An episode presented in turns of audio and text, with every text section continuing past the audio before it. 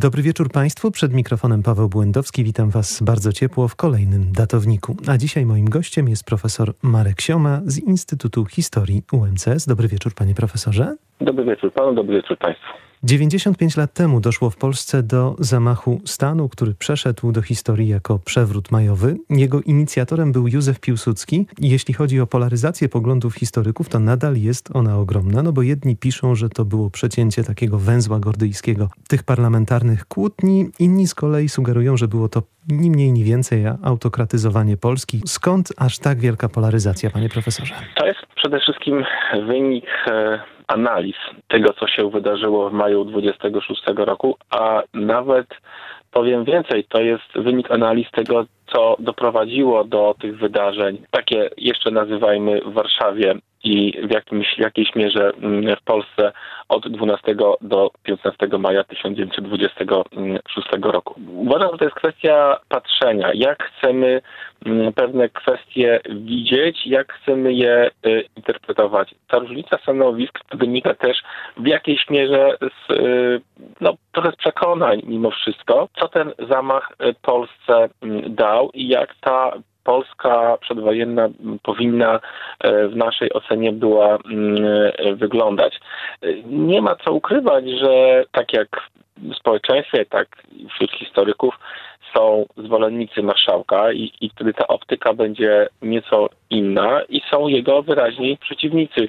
E, ci pierwsi wskazując na sejm, tak zwaną sejmokrację, na e, to, że te gabinety się bardzo często zmieniały, że, nie można było wyłonić pewnej stabilnej większości, niewątpliwie mają rację, to jest wszystko, to jest wszystko prawda, tylko Moim zdaniem są to choroby wieku dziecięcego. Czyli tak jak jesteśmy my jako mali ludzie -hmm. narażeni na, y, na choroby, których już w wieku dorosłym nie przechodzimy, prawda, które po prostu znikają, no, do, do, dorastamy, stajemy się, stajemy się bardziej odporni, więcej, więcej rozumiemy. Tak samo, tak samo jest z kształtowaniem państwa. Myśmy nie byli przecież przed rokiem 18 niepodległym państwem, nie byliśmy nim przez 120 trzy lata to jest ogromny okres w historii, e, szczególnie tak ważnego czasu jak wiek XIX, kształtowanie się e, narodów. Polska musiała to wszystko nadrobić, musiała to wszystko zbudować w tempie ekspresowym i, to jest wielki sukces.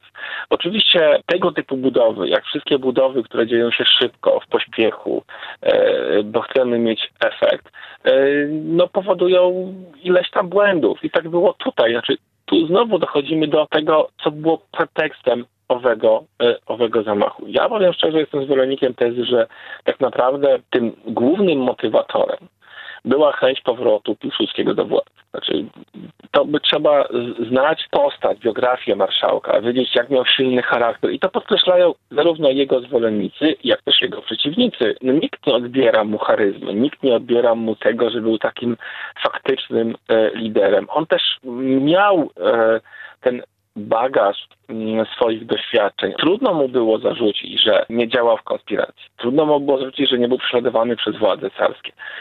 Trudno mu było zarzucić, że nie walczył e, fizycznie na froncie. Może nie strzelał, ale, ale na tym froncie, na tym froncie był. Miał kilkuset świadków naocznych, tak, którzy go widzieli, widzieli w okopach na pierwszej, na pierwszej linii, gdzieś, prawda, e, nad Nidą, czy później, czy później na Wołyniu, e, na, e, pod Kostiuchnówką, na słynnej Polskiej Górze, w tej okolicy. Mhm. A więc to jest bagaż, którego nie zyskuje się pisząc nieprawdziwe życiorysy. Więcej, e, e, tymczasowy naczelnik państwa, naczelnik państwa, czyli de facto prezydent Rzeczypospolitej od 18 do 22 e, roku. To wszystko powodowało, że no, marszałek był absolutnie nietu, nietuzinkowy. Zapomniałem, przepraszam, uwięzienie przez Niemców, prawda? Jeszcze w Magdeburgu, tak jest. Tak, tak, dokładnie. Więc te, to, to wszystko daje nam obraz człowieka z ogromnym bagażem e, doświadczeń różnych,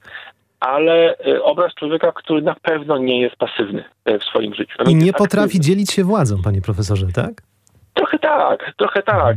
Zależy jak, jak, jak rozumiemy, znaczy dzielić się władzą w, w rozumieniu, mm, ja to rozumiem w ten sposób, że mieć na nią absolutnie realny wpływ. Piłsudski oddał władzę raz w roku 18, stwierdzając, że był dyktatorem i mógł zrobić wszystko, ale tego nie chciał, tak? I być może z tego też wynikało jego, jego późniejsza frustracja, że no popatrzcie, ja jednak zrobiłem ten gest. Dałem Polsce wolne wybory, dałem Polsce parlament i popatrzcie.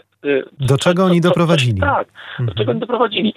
I teraz w obronie, ja bym stanął w obronie tego parlamentu, tego i, i wszystkich pozostałych, stawiając kluczowe pytanie, a od czego jest parlament? Czy parla, parlament, przecież to jest z francuskiego rozmawiać, parlare, parlare prawda, czyli słowo tak. y, oznaczające rozmowę, to tak naprawdę miejsce wymiany myśli, wymiany zdań, czy tak naprawdę też i kłótni. E, nic nadzwyczajnego. Parlament właśnie jest od tego, żeby rozmawiać żeby wymieniać poglądy. E, nie każdemu to się podoba, tak?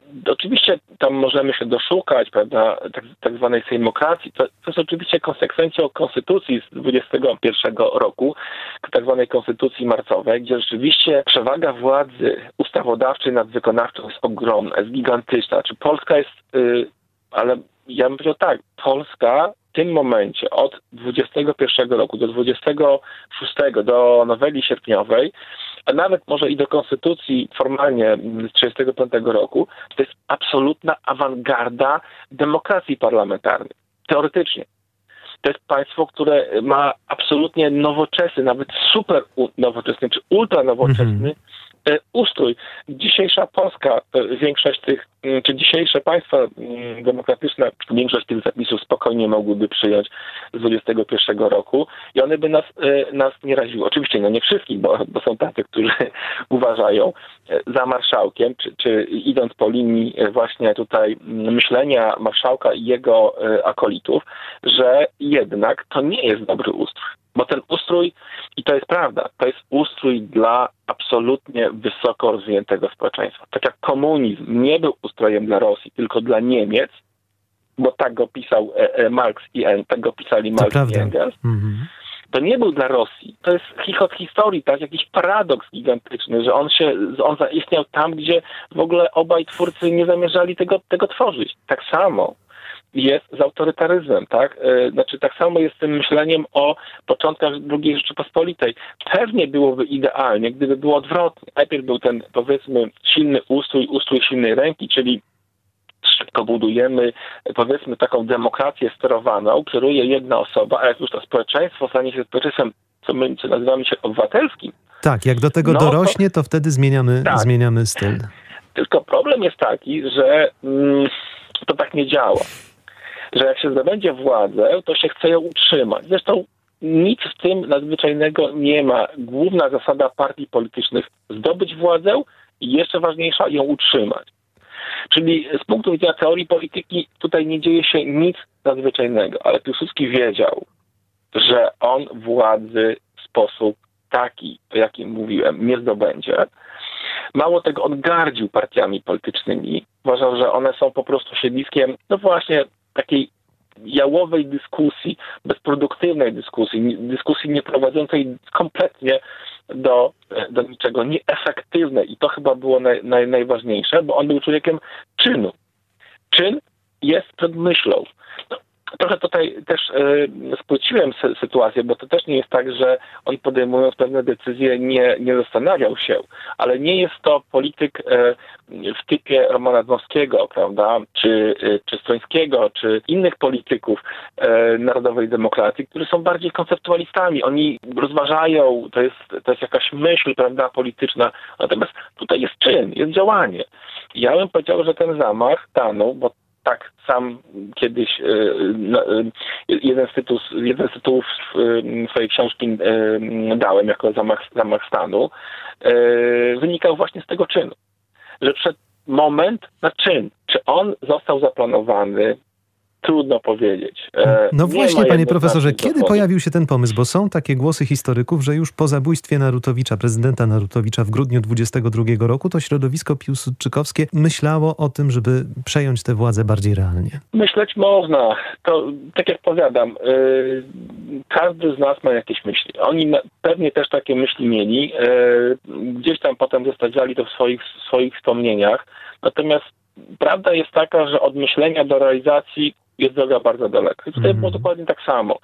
Są oczywiście wydarzenia z listopada 23 roku z Krakowa, gdzie tam jest próbo, niby próbowano nad tym, nad tym zapanować, to się nie udało, wykorzystać tę sytuację. Pamiętajmy jeszcze o jeszcze jednej rzeczy. Tutaj mm, warto się do tego odwołać, mianowicie do zdobycia władzy przez Mussoliniego we Włoszech w 22 roku. To jest jednak pewien schemat postępowania, schemat działania, jaki później będzie powtarzany w Europie. Czyli to, co się udało Mussoliniemu, nie, nie było bez znaczenia.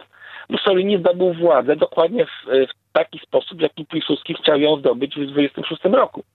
Czyli wymusić tak naprawdę oddanie władzy. Bo zamach nie był sam w sobie zaplanowany od początku do końca. W tym sensie, że nikt nie zaplanował, jak to będzie wyglądało, oczywiście teoretycznie, prawda? Nikt nie przewidział, które oddziały wezmą Tak. em, udział po tej stronie, e, czy, czy będzie w ogóle rząd się opierał. Nie, koncepcja była taka, wymusimy, czy ja wymuszę, prawda, na prezydencie, e, zdymisjonowanie, że padło na gabinet Witosa, to jest jakby mm, tutaj sytuacja inna, bo mógł być przecież zupełnie inny premier i raczej ja bym tu powiedział, to się wszystko dzieje bardzo spontanicznie i bardzo, bardzo szybko. Nie bardzo też wiemy, jak to do końca to prze, przebiegało. Znaczy, praktycznie wiemy, ale czy tak rzeczywiście było, to nikt nie potrafi powiedzieć na 100%. Fakty są mm, nieubłagane, czy fakty są jednak takie, że mamy konkretne wydarzenia, do tego tworzymy pewną interpretację. Wynika z niej jednoznacznie, że Piłsudski nie chciał strzelać do swoich rodaków, nie chciał, żeby jego oddziały strzelały do swoich rodaków i tak samo druga strona też nie chciała. Tak. Ja już abstrahuję od e, sytuacji takiej, że ta seria wydarzeń z 12, prawda, kiedy Piłsudski jedzie do, do prezydenta, a prezydenta nie ma. No ale, przepraszam, ale czy prezydent Rzeczypospolitej ma obowiązek meldowania się nawet tak zacnemu obywatelowi jak e, e, marszałek Piłsudski, co tego konkretnego Mhm. dnia będzie będzie czynił. Czy potem to spotkanie, do którego doszło na moście. I tutaj jakby chciałbym zwrócić uwagę na pewną korelację. Do spotkania dochodzi mniej więcej o godzinie 17. Rozmowa trwa kilka, może kilkanaście, y, kilkanaście minut, kończy się niczym, ale pierwsze strzały padają dopiero za jakieś dwie godziny. Tak. Czyli to nie jest tak, że e, mamy absolutną korelację. Marszałek jedzie na Pragę, prawda, czyli na wschodnią część Warszawy, prezydent, prezydent wraca do, do pałacu, do zamku e, i już natychmiast rozpoczyna się walka. Nie, nie, to tak nie jest. To, to jest próba, próba sił i ktoś tej próby sił po prostu nie wytrzymał. Znaczy pierwszy strzał jest jak, jest jak domino, prawda, jak kostka domina. Ono uruch, uruchomiło całą serię kolejnych wydarzeń, tak naprawdę doprowadziło do wojny, do wojny domowej, która po prostu przez te trzy dni, przede wszystkim w Warszawie, czy głównie w Warszawie, miała miejsce. Prezydent y, już 13 maja, prezydent Wojciechowski wydaje taki specjalny rozkaz dla żołnierzy i tutaj bardzo ostre słowa się pojawiają. Ja pozwolę sobie zacytować. Żołnierze Rzeczypospolitej stała się rzecz potworna. Znaleźli się szaleńcy, którzy targnęli się na majestat ojczyzny, podnosząc jawny bunt fałszywymi hasłami, uwiedli czystą duszę żołnierza polskiego i dali pierwszy rozkaz do rozlewu krwi bratni. Czyli prezydent wyraźnie wskazuje winnego. Tak, no oczywiście z punktu widzenia prezydenta e, Stanisława Wojciechowskiego jego działania są absolutnie racjonalne. On jako konstytucyjny prezydent, zebrany zgodnie z regułami przez e, Zgromadzenie Narodowe, miał prawo, więcej, on miał obowiązek tak napisać. Z Mhm. punktu widzenia polskiej racji stanu, tego co nazywamy Rzecząpospolitą, e, prezydent oświadcza społeczeństwu, że rzeczywiście są szaleńcy. On też nie wskazuje konkretnie Piłsudskiego. Proszę zwrócić uwagę, czytając ten dokument, no oczywiście wiemy, że mm, no, w tle jest Józef Piłsudski, ale też go nie wymienił z imienia i nazwiska. Ci szaleńcy to są oczywiście ludzie i to jest też takie trochę odpowiedzialność tutaj jest e, inaczej, inaczej rozkładana.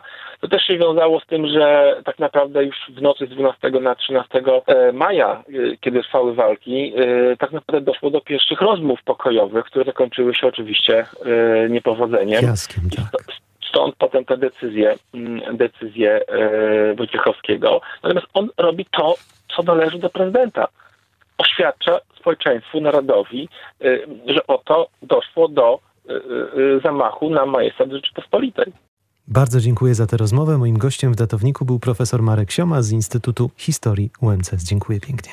Dziękuję bardzo. A do tej rozmowy i tematu wrócimy za tydzień.